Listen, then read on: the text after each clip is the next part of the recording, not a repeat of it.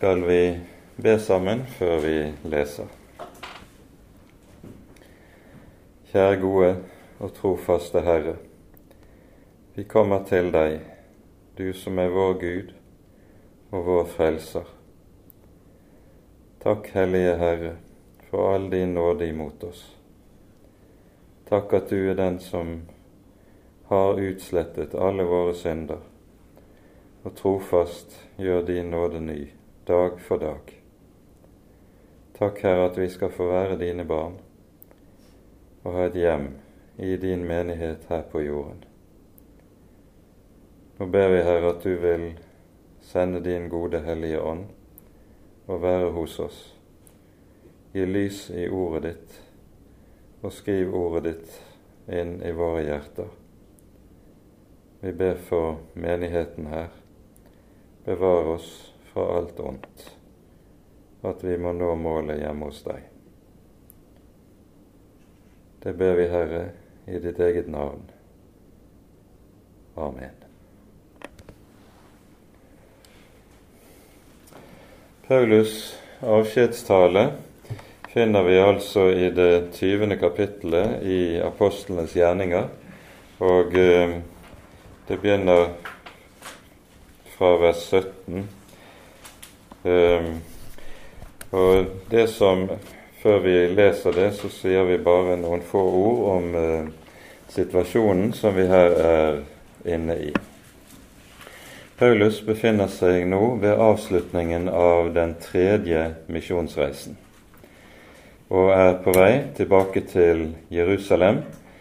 Um, han har uh, fått samlet inn en gave til de fattige i menigheten i Jerusalem fra alle de nye menighetene i Grekenland, og også noen av menighetene i Lille-Asia, er med på å skyte sammen eh, til denne gaven til de fattige i Jerusalem. Og Paulus håper å nå til Jerusalem innen pinsen. Vi hører tidligere at han feirer påske eh, på veien. Eh, de stanser eh, veien og feirer påske en uke. Eh, og så reiser han og følgesvennene videre. Det kommer med en følgesvenn fra hver menighet som har eh, samlet inn penger. Og disse skal være medvitner eh, når det gjelder overrekkelsen av gaven. Tredje misjonsreisen den har det med seg at hoveddelen av denne reisen befinner Paulus seg i Efesos. I eh, kanskje to og et halvt år eh, oppholder Paulus seg i Efesos og har en intensiv virksomhet i byen. Vi leser om dette særlig i det 19. kapittelet i apostelgjerningene, som vi var igjennom eh, før sommeren. Og uh, menigheten i, som er dannet i Efesos, kommer til å bli en av de helt sentrale eh, og betydningsfulle menigheter i Ålkirken i fortsettelsen av dette. Eh, vi vet jo at fra Timotius-brevene at Paulus senere la Timotius bli tilbake i Efesos. Eh, antagelig er det jo slik at Paulus etter sitt, sin fengsling eh, blir frigitt. Eh, han innanket saken for keiseren, blir antagelig frigitt. Dette forteller ikke apostelgjerningene, men kirkefedrene. Og i Timotius-brevene hører vi at Paulus kommer tilbake til Efesos og der etterlater Timotius for å ha styring med menigheten der. Og etter tradisjonen så er Timotius den første biskop i eh, Efesos. Senere kommer jo apostelen Johannes til å eh, tilbringe mange år i Efesos. Eh, når han må gå i landflyktighet på Patmos under den første mer omfattende kristenforfølgelsen, så er det fra Efesos han forvises til Patmos, og vender antagelig tilbake igjen til Efesos og lider døden der i høy alder som den eneste av apostlene som dør en naturlig død. Alle de øvrige apostlene lider martyrdøden. Dette var nå litt om Efesos og bakteppet. Paulus er altså på vei opp til Jerusalem. Han, eh, hvorvidt han når dit eh, til pinsehøytiden, vet vi ikke. Det forteller ikke apostelgjerningene. Men eh, det som skjer, er at nokså umiddelbart etter at Paulus kommer til Jerusalem, fengsles han. Og så blir det fire års fengselstid eh, som ligger da foran. To år blir han sittende fengslet i Cesarea, to år i Rom, før han til slutt, altså ifølge kirkefedrene, løslates. Da tar, begynner vi og leser eh, talen i apostelgjerningene 20. Vi leser fra vers 17. Fra Milet sendte Paulus da bud til Efesos og kalte til seg menighetens eldste. Da de var kommet, sa han til dem, Dere vet hvordan min ferd iblant dere var, hele tiden fra den første dag jeg kom til Asia. Jeg tjente Herren med all ydmykhet og under tårer og prøvelser som kom over meg ved jødenes onde planer. Jeg holdt ikke tilbake noe av det som kunne være til gagn for dere, men forkynte dere det og lærte dere det offentlig og i husene. Jeg vitnet både for jøder og for grekere om omvendelsen til Gud og troen på vår Herre Jesus Kristus. Og se, bundet av Ånden drar jeg nå til Jerusalem, og vet ikke hva som skal møte meg der. Jeg vet bare at Den hellige ånd i by etter by vitner for meg og sier at lenker og trengsler venter meg. Men for meg selv akter jeg ikke livet mitt ett ord verd, når jeg bare kan fullende mitt løp og den tjeneste som jeg fikk av Herren Jesus, og vitne om Guds nådes evangelium. Og se, nå vet jeg at dere aldri mer skal se mitt ansikt, alle dere som jeg gikk omkring iblant og forkynte riket. Derfor vitner jeg for dere på denne dagen at jeg er ren for alles blod for jeg har ikke holdt noe tilbake, men jeg har forkynt dere hele Guds råd. Så gi da akt på dere selv og på hele den jord som Den hellige ånd har satt dere som tilsynsmenn for, for at dere skulle vokte Guds menighet, som Han vant seg med sitt eget blod. Jeg vet at etter min bortgang skal det komme glupende ulver inn blant dere som ikke skåner jorden. Ja, blant dere selv skal det fremstå menn som fører falsk tale for å lokke disiplene etter seg. Våg derfor, og husk at jeg i tre år, natt og dag, ikke holdt opp med å formane hver eneste en med tårer. Og nå overgir jeg dere til Gud og Hans nådes ord, Han som er mektig til å oppbygge dere og gi dere arv sammen med alle dem som er blitt helliget. Jeg har ikke traktet etter sølv eller gull eller klær fra noen. Dere vet selv at det jeg og de som var med meg, trengte, det har disse hendene arbeidet for. På alle måter har jeg vist dere at slik bør vi arbeide, for vi må ta oss av de svake. For vi minnes de ordene Herren Jesus selv sa, det er saligere å gi enn å ta imot. Da han hadde sagt dette, bøyde han kne og ba sammen med dem alle. Da brast de alle i sterk gråt, og de falt Paulus om halsen og kysset ham gang etter gang. Mest sørget de over det han hadde sagt, at de aldri mer skulle få se hans ansikt. Og så fulgte de ham til skipet.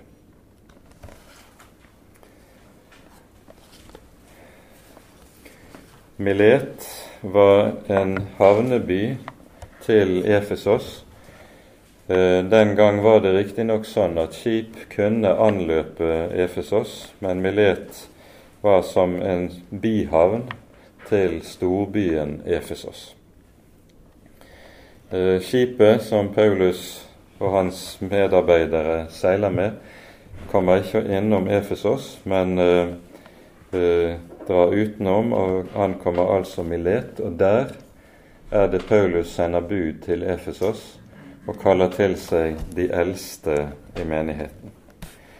Det er ca. fem mil fra Milet til eh, Efesos, så det tar jo litt tid.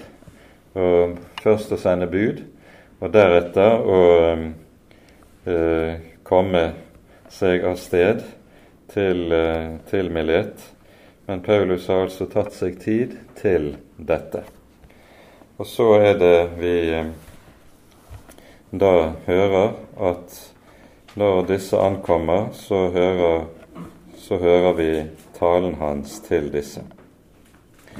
Vi skal innledningsvis også legge merke til at Paulus kaller til seg menighetens eldste, sies det.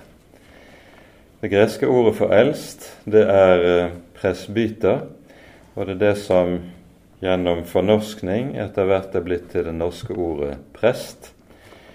Og eldste institusjonen, det var en institusjon som var fast i det jødiske samfunn og i synagogen.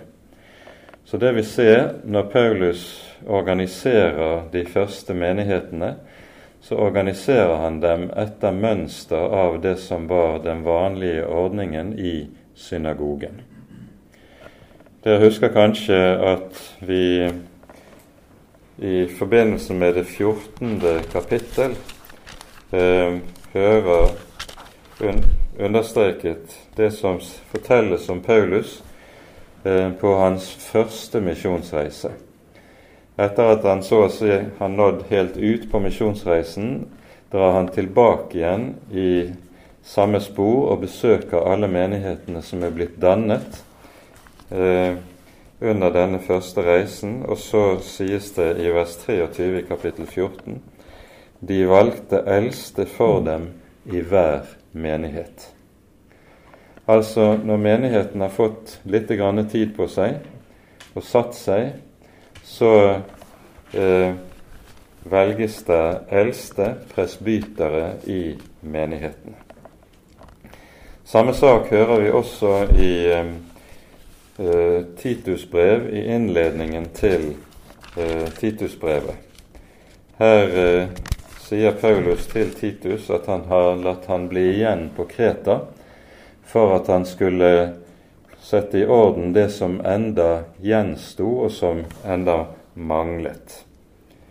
Um, I Titus 1 der leser vi fra vers 5.: Jeg lot deg bli igjen på Kreta for at du skulle ordne det som ennå sto igjen, og innsette eldste i hver by, slik jeg påla deg. Det har jo vært en uh, illusjon en periode i uh, teologihistorien at den eldste kristne menighet det var en menighet som ikke var organisert. I stedet var det slik at alt likesom fløt ut fra Åndens inngivelse. Det var Åndens frie gaver som uh, var utøst, og så var ingenting organisert. Alt foregikk mer på denne umiddelbare inspirasjonsgrunn.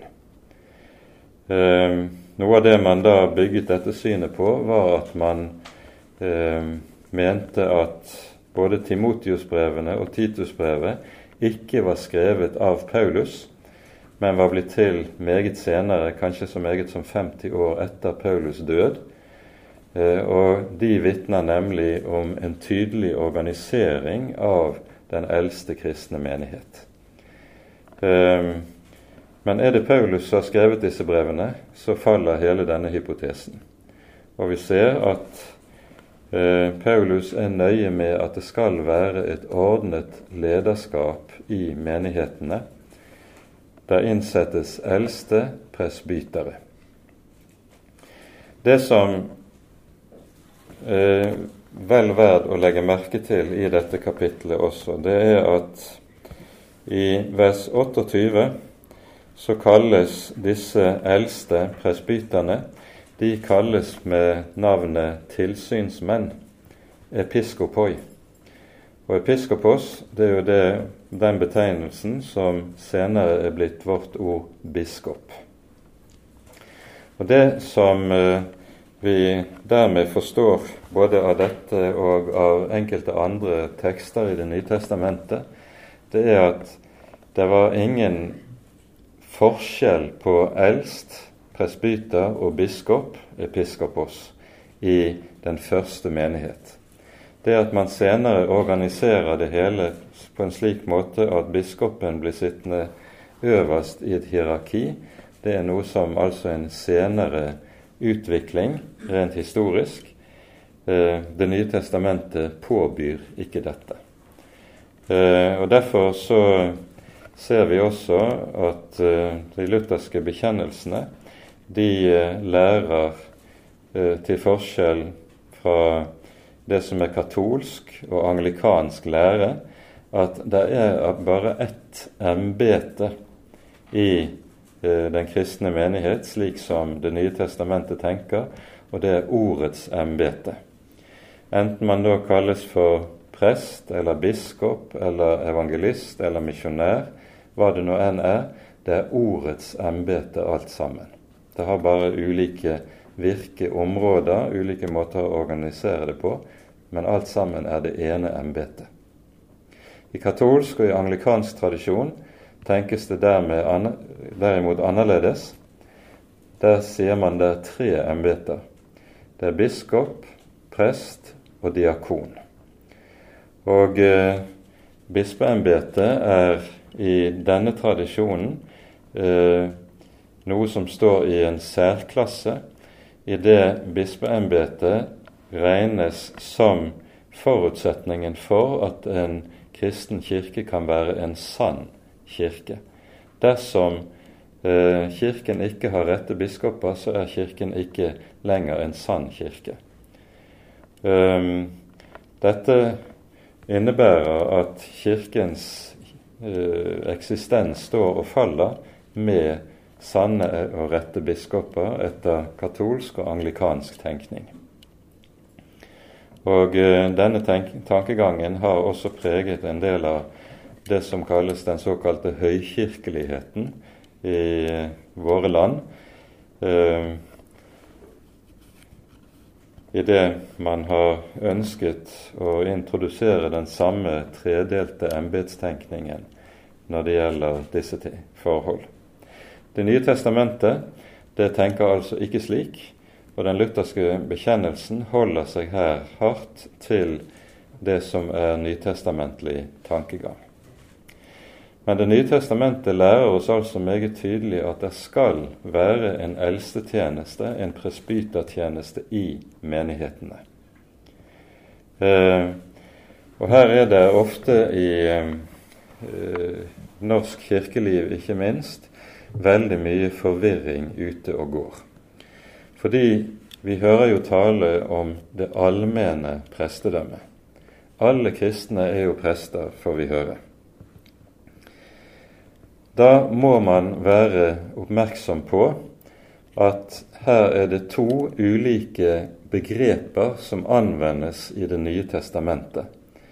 Men disse to ulike begrepene de er dessverre oversatt slik at de er blitt til samme ord på norsk, hvilket er noe av hovedkilden til forvirringen. I eh, første Peters brev siterer apostelen Peter fra 2. Mosebok 19, der det står 'Dere er et kongelig presteskap, et hellig folk. Og Det å høre til det kongelige presteskap, det er en æresbetegnelse som gjelder hele Guds folk.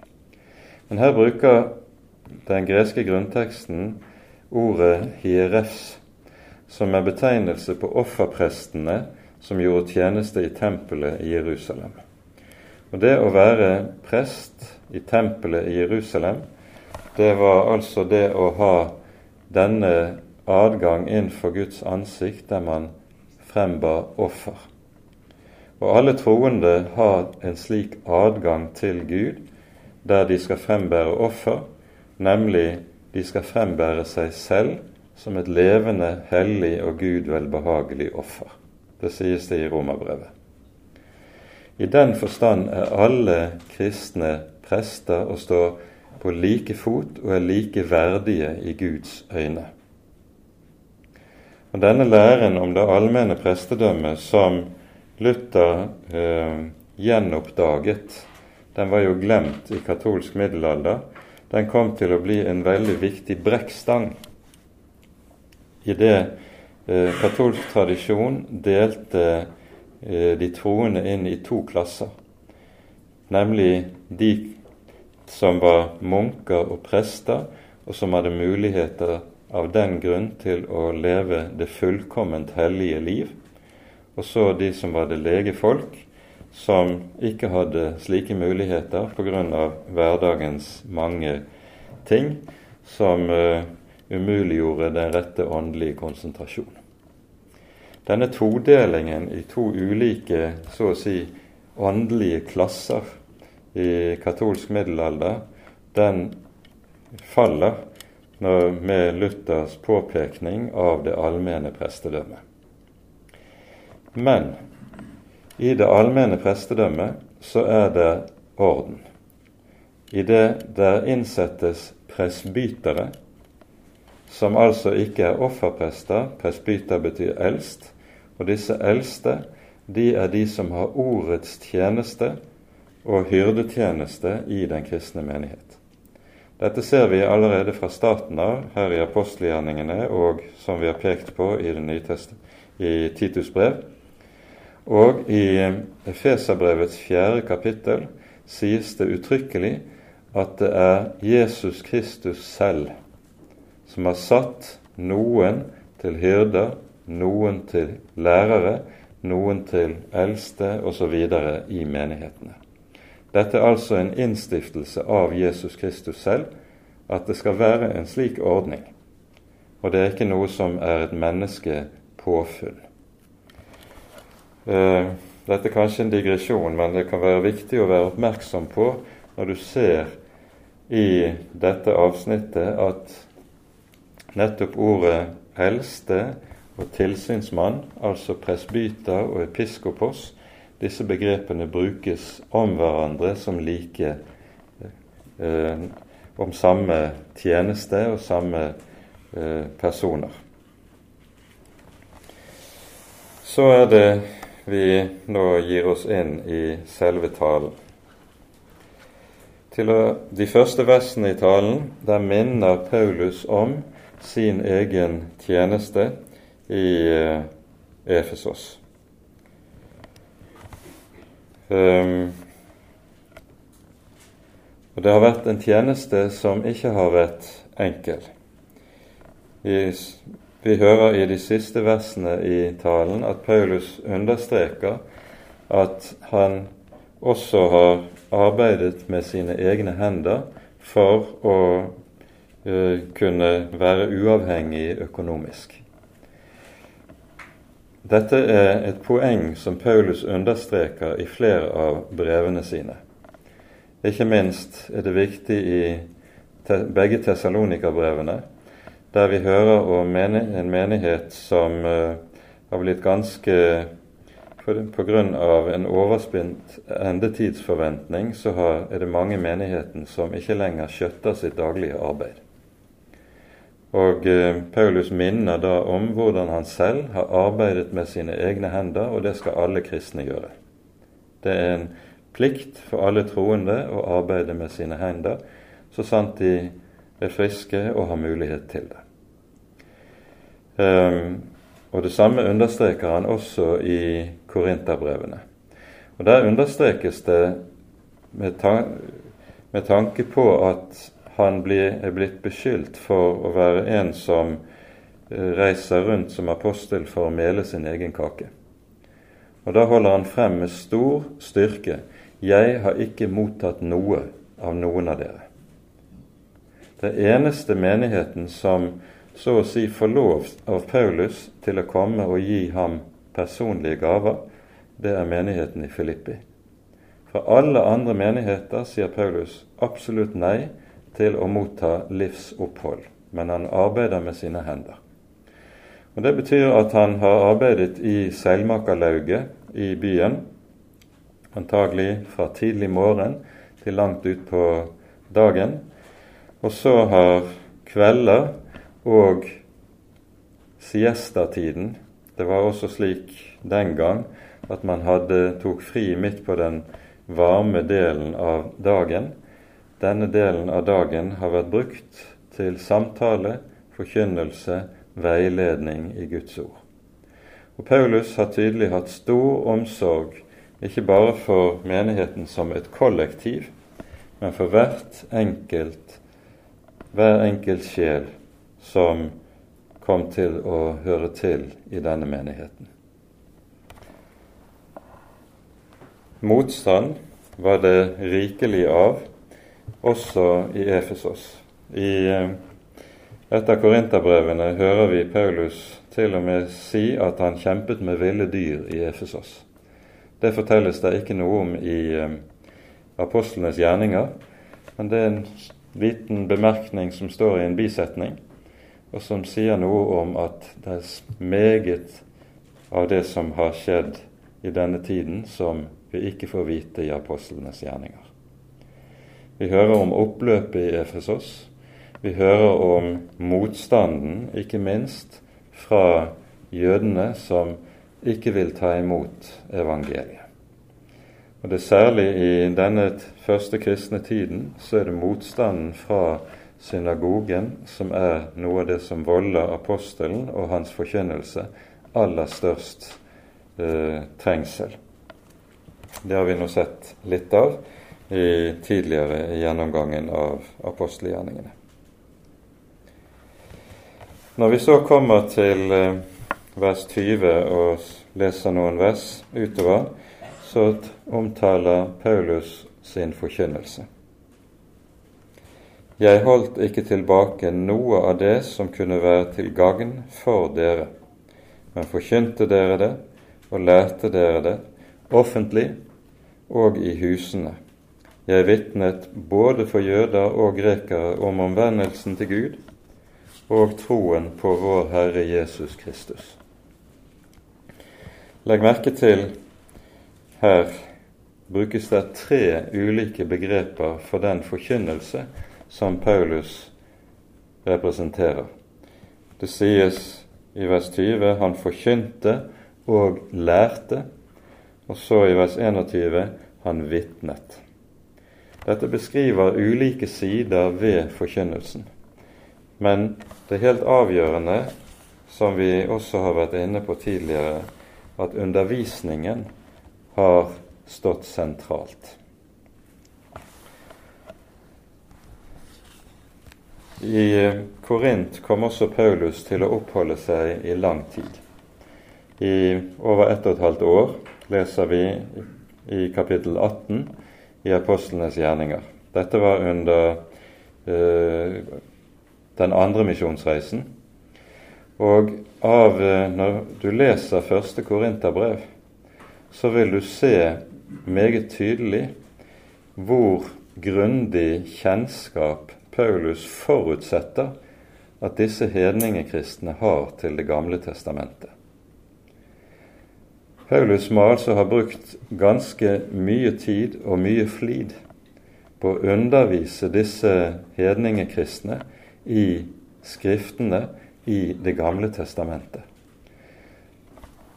Det er slik at han, likesom det ser du av det han skriver, han forutsetter fortrolighet med en mengde ulike tekster i Det gamle testamentet når han skriver. Og Dette er noe han ikke kan forutsette uten den undervisning som har foregått. Så Paulus har antagelig nokså systematisk lært opp disse første kristne. De er hedninger. De har vært totalt fremmed for Det gamle testamentet. Den jødiske tro har jo vært noe som for de aller fleste av disse har vært noe eksotisk som han bare betraktet på avstand og overhodet ikke hadde forståelse for. Og så å komme inn i troen på Jesus, det betydde å også gradvis å komme inn i Guds ord i de hellige skrifter. Dette var avgjørende for Paulus. Og Det er dette han nå også understreker. Jeg holdt ikke tilbake noe av det som kunne være dere til gagn. Dette understreker han på ny litt lenger nede i talen.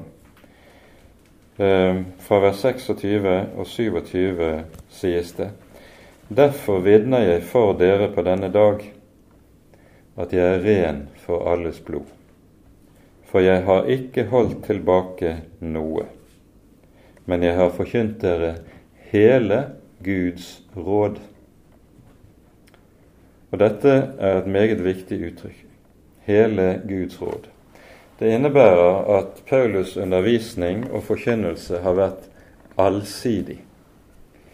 I det han har søkt å lære de troende opp på en slik måte at de er fortrolige med hele Den hellige Skrift, og kjenner alle troens grunnsannheter. Intet skulle han holde tilbake. Og Når han da i denne sammenheng også sier 'Jeg er ren for alles blod', så er det en bestemt tekst i Det gamle testamentet som her ligger bak. Um, og det er profeten Esekiel, kapittel 33 og kapittel 34. Og vi tar oss tid til å lese derfra.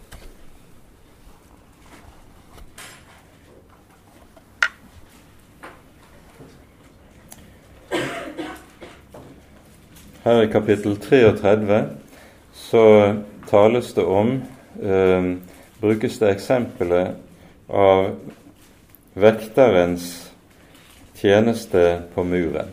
Vekteren skal stå vakt, og om fienden dukker opp, så er det hans plikt å blåse i alarmbasunen så byen våkner opp og kan være i stand til å forsvare seg mot den fienden som nærmer seg.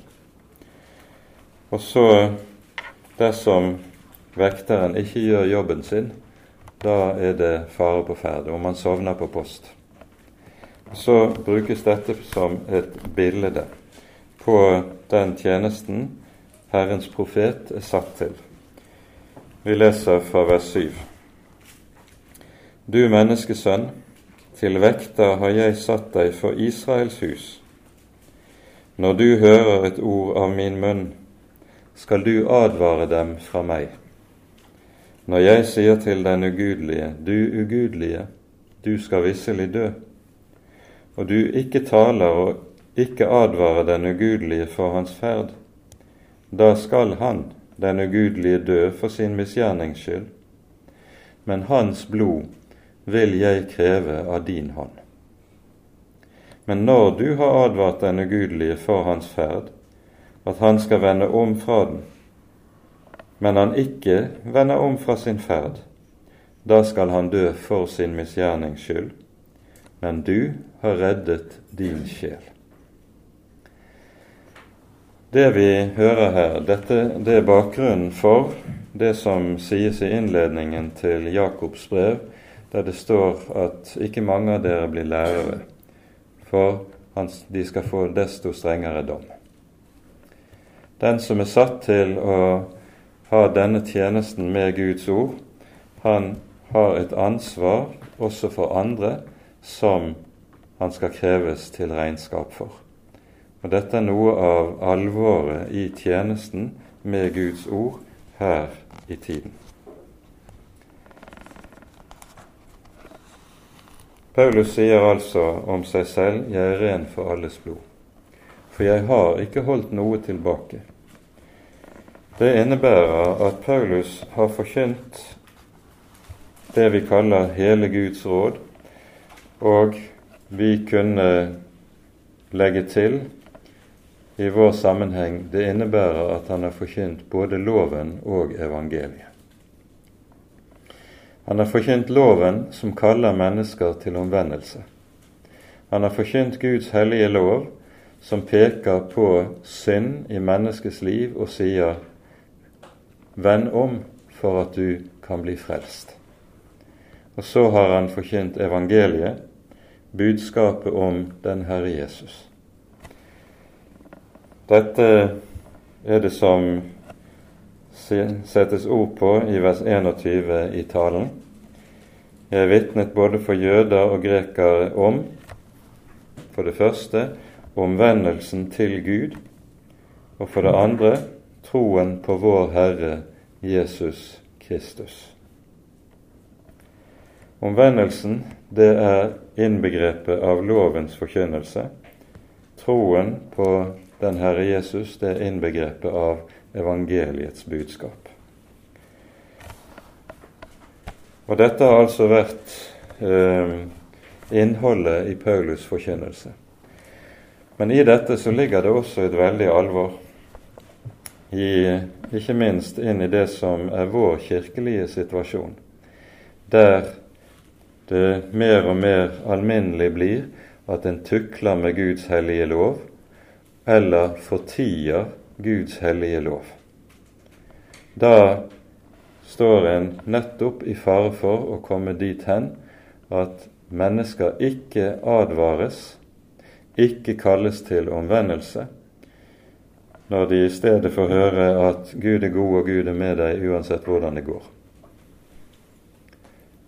Evangelieforkynnelse uten loven er noe som forfører mennesker, og som forkynnerne skal kalles til regnskap for, om de ikke tar seg dette ad notam og vender om.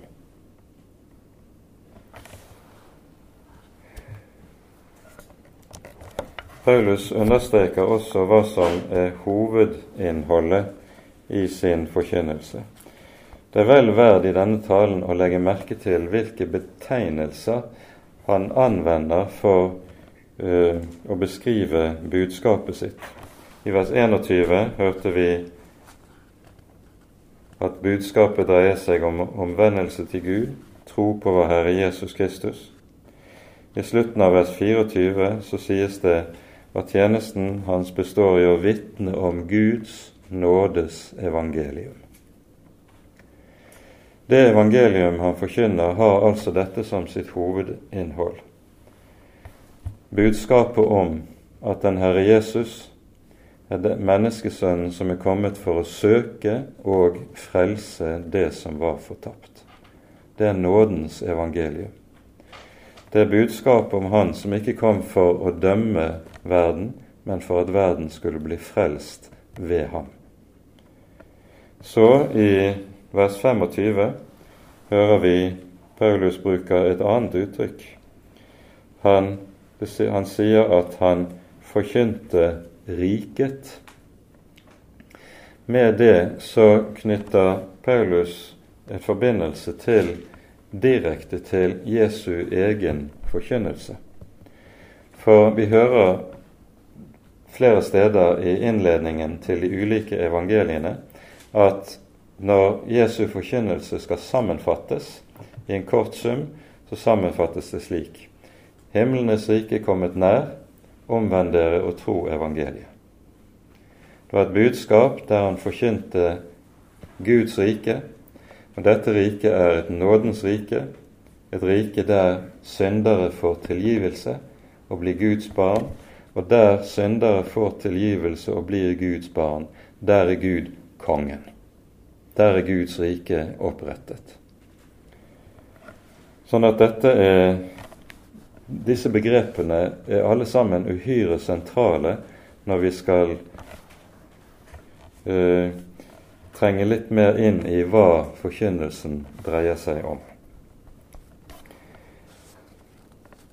Så kommer, etter at Paulus har pekt på og talt om eget, sitt eget virke, så fra vers 8 så formaner og minner Paulus så disse menighetens ledere om hva som påligger dem. Så gi da akt på dere selv og på hele den jord som Den hellige ånd har satt dere som tilsynsmenn for, for at dere skulle vokte Guds menighet, som han vant seg ved sitt eget blod. For det første legger vi merke til at her sies det at det er Den hellige ånd som har innsatt disse til tjenesten i menigheten. De er nok kalt av mennesker, de har nok blitt innsatt i menigheten under bønn og på håndspåleggelse, men det er Guds hellige ånd som står bak og innsetter slike tjenere. Det er det første vi skal merke oss. For det andre så kalles menigheten for Guds menighet. Paulus sier i 1. Korinterbrev 6. kapittel til korinterne dere er dyrt kjøpt. Så er da Gud med deres legemer. Den kristne menighet er dyrt kjøpt. Herren har ofret uendelig mye for å kjøpe oss fri fra våre synder for at vi skal få høre ham til og få del i arven blant de hellige og eie det evige liv. Herren Jesus har betalt uendelig dyrt for at vi skal dette. Og denne prisen har han betalt, og derfor er menigheten hans eiendom. Riket er ditt, sier vi i avslutningen på Fader vår, og tenker kanskje ikke alltid på hva vi sier med disse ordene. Menigheten er Herrens eiendom, intet mindre. Og Derfor er det å være tjener i menigheten, det å være Herrens tjener og være forvalter over det som er hans eiendom. Dette er avgjørende å være viktig å være oppmerksom på. Så legger vi også merke til i dette verset det sies dere skulle vokte Guds menighet som han vant seg med sitt eget blod. Her er det altså tale om Guds blod. Det blod som renner på korset, er Guds blod. Intet mindre. Det er derfor det har sonende kraft. Det er derfor Gud blir menneske, for at når han lider døden på korset, så skal denne død, som er Guds død, det er Guds blod som utgytes på korset, det er dette som har sonene, som har livgivende kraft. Dette er et helt sentralt ord for, til forståelse av hva det er som skjer på korset, samtidig som det også er helt sentralt med tanke på å forstå hvem han, hvem han er som dør på korset. Det er Guds blod som renner der, intet mindre. Så skulle de altså vokte Guds menighet. Og Her brukes bildet av ikke vekterbildet, men hyrdebildet. Og Det er jo et vanlig bilde i Den hellige skrift, der menigheten, Guds menighet, er jorden, fårene, som den gode hyrde tar seg av. Og På ny er det sånn at Esekiel ligger i bakgrunnen for det som her sies. Det vi leste i sted fra det 33. kapittel, i kapittel 34 hører vi profeten Esekiel tale om hvorledes Guds folk har blitt forført av dårlige hyrder. Hyrder som bare røkter seg selv, ikke i orden, som bare er interessert i eget utbytte og egen fortjeneste, ikke i jordens velvære. Og så sier Herren, derfor vil jeg selv komme og se til min jord på en dag med mørke og skyer og skodde. Og så vil han forløse sitt folk. Og så finner vi i siste del av dette kapitlet en sentral profeti om Messias komme og hans gjerning. Og det er dette, bl.a. dette kapitlet Jesus knytter til når han sier om seg selv 'Jeg er den gode hyrde'. Så når eldste og tilsynsmenn i menigheten settes til hyrder, så er de så å si visehyrder under han som er overhyrden. Og Dette er et begrep som brukes et par steder i Det nye testamentet også. Jesus er overhyrden, og tjenerne i menigheten de er så å si underhyrder eller visehyrder som gjør tjeneste for ham. Og hva er det de skal vokte menigheten for? Jo, det kommer i de neste versene. Jeg vet at etter min bortgang skal det komme glupende ulver inn blant dere som ikke skåner jorden. Ja, blant dere selv skal det fremstå menn som fører falsk tale for å lokke disiplene etter seg. Våg derfor, og husk at jeg i tre år, natt og dag, ikke holdt opp med å formane hver eneste en med tårer. Det som det å våke ganske særlig dreier seg om når det gjelder menighetens hyrder og lærere, det er å våke over læren.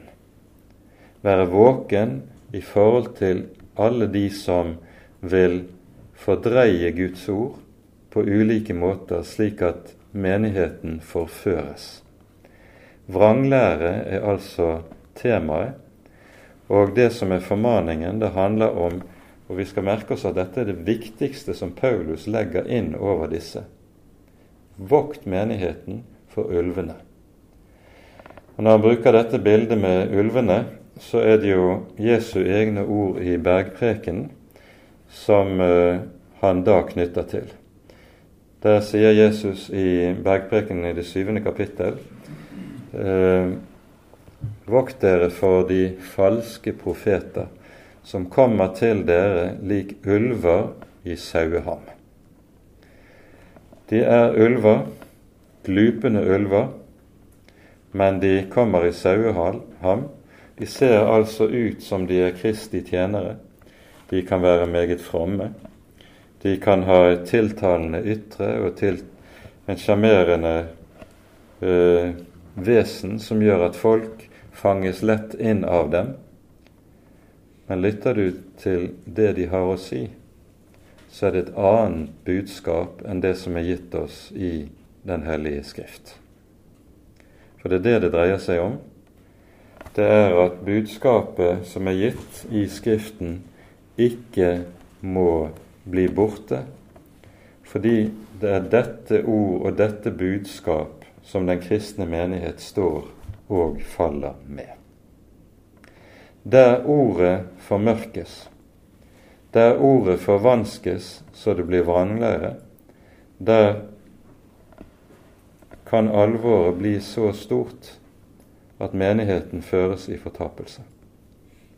Det er det store alvor med det. Dette er en måte å tenke på som er fremmed i vår tid. Vi tenker pluralistisk. Den ene mening kan være like god som den annen. Den ene oppfatning kan jo være like god som den annen. Og så skal man, handler det da om å være tolerant, slik at vi ikke dømmer hverandre. Dette er tidsånden, og dette har i meget stor utstrekning også trengt inn i den kristne kirke. Men Det nye testamentet er ikke pluralistisk. Jeg vet ikke om noen av dere har sett denne TV-serien som har gått på NRK1. Jeg tror serien bar overskriften 'Troens hav'. Det var et par programmer der en engelsk journalist reiste rundt i middelhavslandene eh, og gjestet så å si de tre religionene som hører til i området rundt Middelhavet, nemlig jødedom, islam og kristen tro. Um, han var, besøkte ulike land og ulike religiøse samfunn. Og i møte med en evangelisk kristen i Israel så får han høre sitert for seg Jesu ord i Johannes 14. Jeg er veien, sannheten og livet. Ingen kommer til Faderen uten ved meg. Hvorpå journalisten repliserte når du sier det, så får jeg problemer. For det at det bare er én vei, én sannhet, én adgang til Faderen, og ikke mange ulike veier, det var vanskelig for en som tenkte moderne, å kunne svelge. Og dette er helt typisk. Og på denne måten tenker en dessverre ofte innenfor eh, kirkene også. Du har din tolkning, jeg har min tolkning, sier man da gjerne. Men hvem vet nå egentlig hvem som har rett? Vi kan jo ikke være så overmodige, overmodige og påståelige at vi hevder at bare vi har rett. Til dette er det å si troen er én. Jesus er én, læren er én. Og Derfor er det helt avgjørende at de som har ansvar for læren, både vet og kjenner læren og Den hellige skrift inngående, samtidig så de også er i stand til å avsløre og påtale vrang lære når avvik og motsigelse eller forvanskning av Skriften dukker opp. Uten det så vil det være med den kristne menighet, som med eh, saueflokkene på Østlandet nå i sommer, skal bare én ulv til, og så går det galt.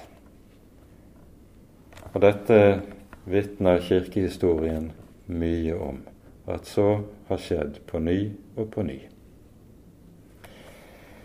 Når Paulus eh, bruker dette uttrykket som vi hører, 'etter min bortgang skal det komme glupende ulver inn blant dere', så ser han frem også mot historiens avslutning, tiden før Jesu gjenkomst. Tiden før Jesu gjenkomst skal være preget både av at da blir det ulvetid. Det vil si ulvene, vranglærerne, kommer til å bli tallrike, ikke få. De kommer kanskje til å bli slike som har flertallet, og derfor også fører det store ord og har makten, også innenfor kristenheten. Den siste tid blir ulvetid. Og Her er det slik i Det nye testamentet, når det pekes frem mot historiens avslutning, at det dras en nokså nøyaktig parallell mellom denne perioden og det som var tilfellet i Israel forut for undergangen i gamle, den gamle pakt, da Jerusalem erobres av babylonerne, slik vi hører om på Jeremias tid. Da var Jeremias den eneste av Herrens profeter som forkynte det ord som er blitt stående, Herrens ord. Mens de falske profeter, de vrimlet det av. Og folket elsket å lytte til de falske profeter, men Jeremias ble lagt for hat. Etter min bortgang, sier Paulus, skal det komme glupende ulver inn blant dere som ikke skåner jorden, ja, blant dere selv. Også blant de som er kalt til eldste og tilsynsmenn, skal det bli noen slike som fører falsk tale for å lokke disiplene etter seg. Og Alvoret i dette er altså at der vranglæren blir hørt, blir trodd, og mennesker dermed vender seg bort fra læren etter Guds ord, der får den åndelige død rom. Det brukes et veldig talende og alvorlig bilde i,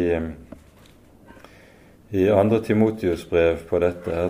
Der navngir Paulus to eh, vranglærere og sier om dem at deres ord vil også ete om seg like som dødt kjøtt. Det er altså like som koldbrann. Koldbrann det kan bare stanses på én måte, at det infiserte lemmet amputeres. Og Derfor er det også at Det nye testamentet er så konsekvent i å si at vranglærere skal avvises i menigheten. De skal ikke få lov til å forbli i menigheten. Eh, det skal dras en veldig klar skillelinje. Og Dette er en formaning som vi hører gjentatte ganger i flere av brevene i Det nye testamentet. Vi tar oss ikke tid til å lese alt dette. Så sier Paulus da til slutt Våg derfor. Det å våke, det handler altså om å være våken i forhold til hvilket budskap det er som lyder og skal lyde imellom de troende. Det er det det handler om først og fremst når det gjelder de som har hyrdeansvar. Og så kommer det til sist Nå overgir jeg dere til Gud og Hans nådes ord han som er mektig til å oppbygge dere og gi dere av, sammen med alle de som er blitt helliget. Med dette så åpner så å si Paulus opp for den nye periode, som er etter apostolisk tid. Den kristne menighet er, når apostlene ikke lenger er iblant dem, overgitt til Gud og Hans nådes ord. Og Vi skal legge merke til at Paulus altså ikke bare nøyer seg med å si 'nå overlater jeg dere i Guds hånd'. Våre tider er i Herrens hender, og Han vil også sørge for å ta vare på dere. Men han legger altså til 'jeg overgir dere til Gud og Hans nådes ord'. Menigheten er overgitt til Guds ord. Guds ord er overgitt til oss, ja, men Paulus snur altså dette her på hodet og sier vi er også overgitt til Guds ord. Det er så å si sånn at vi står og faller med dette ord. Og uten dette ord kan menigheten ikke bli stående. Det er når Paulus er inne på dette i 2. Timotius brev, så tror jeg vi skal minne om noe han også her sier. Han sier om seg selv i første kapittel i 2. Timotius brev at han er satt til forkynner, apostel og lærer for hedningene når det gjelder evangeliet. Og så sier han derfor er det jeg lider dette, men jeg skammer meg ikke ved det. For jeg vet på hvem jeg tror, og jeg er viss på at Han er mektig til å bevare den skatt som er betrodd meg, til dagen kommer. Her sier altså Paulus at han er viss på at Gud vil sørge for å ta vare på skatten, altså evangeliet, like frem til den siste dag. Herren skal sørge for at Hans ord blir bevart inntil enden. Det skal aldri forstumme, selv om menneskene vil forfølge det, mennesker vil forvanske det, mennesker vil forfalske det, så vil det dog ved Guds nåde alltid være slik at Herren sørger for at ordet skal lyde tross alt.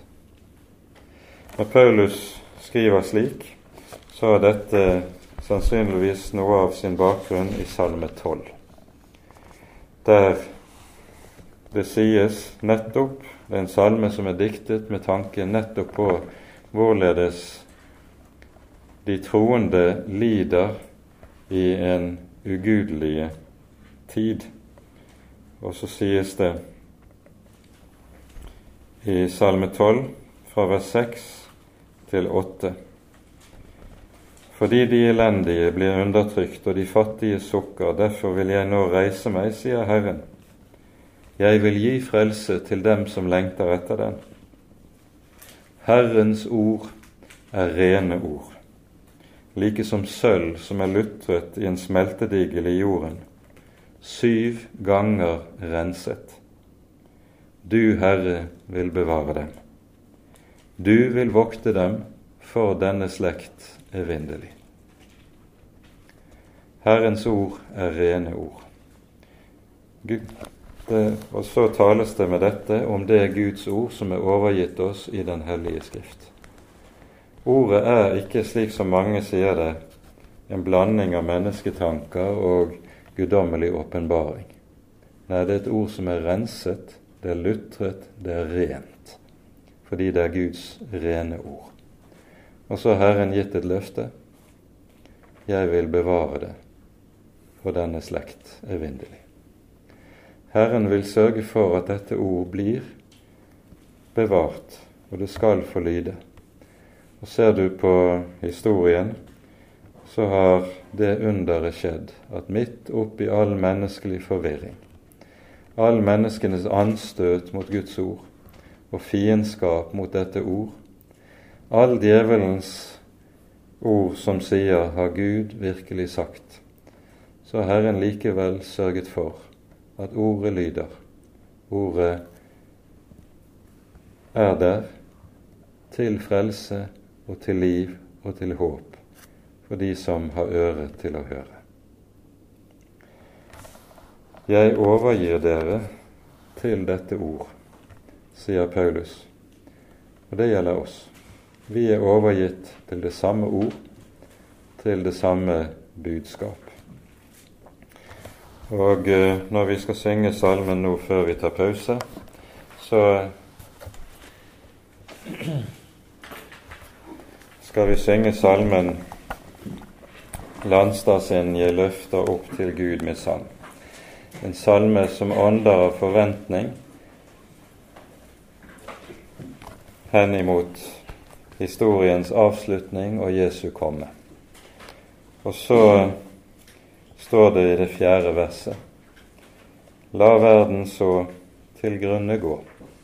Guds ord består, om alt forgår. Den bro skal bruden bære. Og det er det som er saken. Vi er overgitt til dette ord, og dette ord er en bro som bærer oss fra tiden over i evigheten, og den bærer og derfor bærer også håpet som ordet gir oss.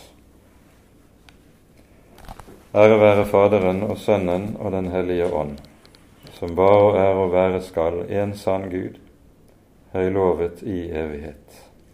Amen.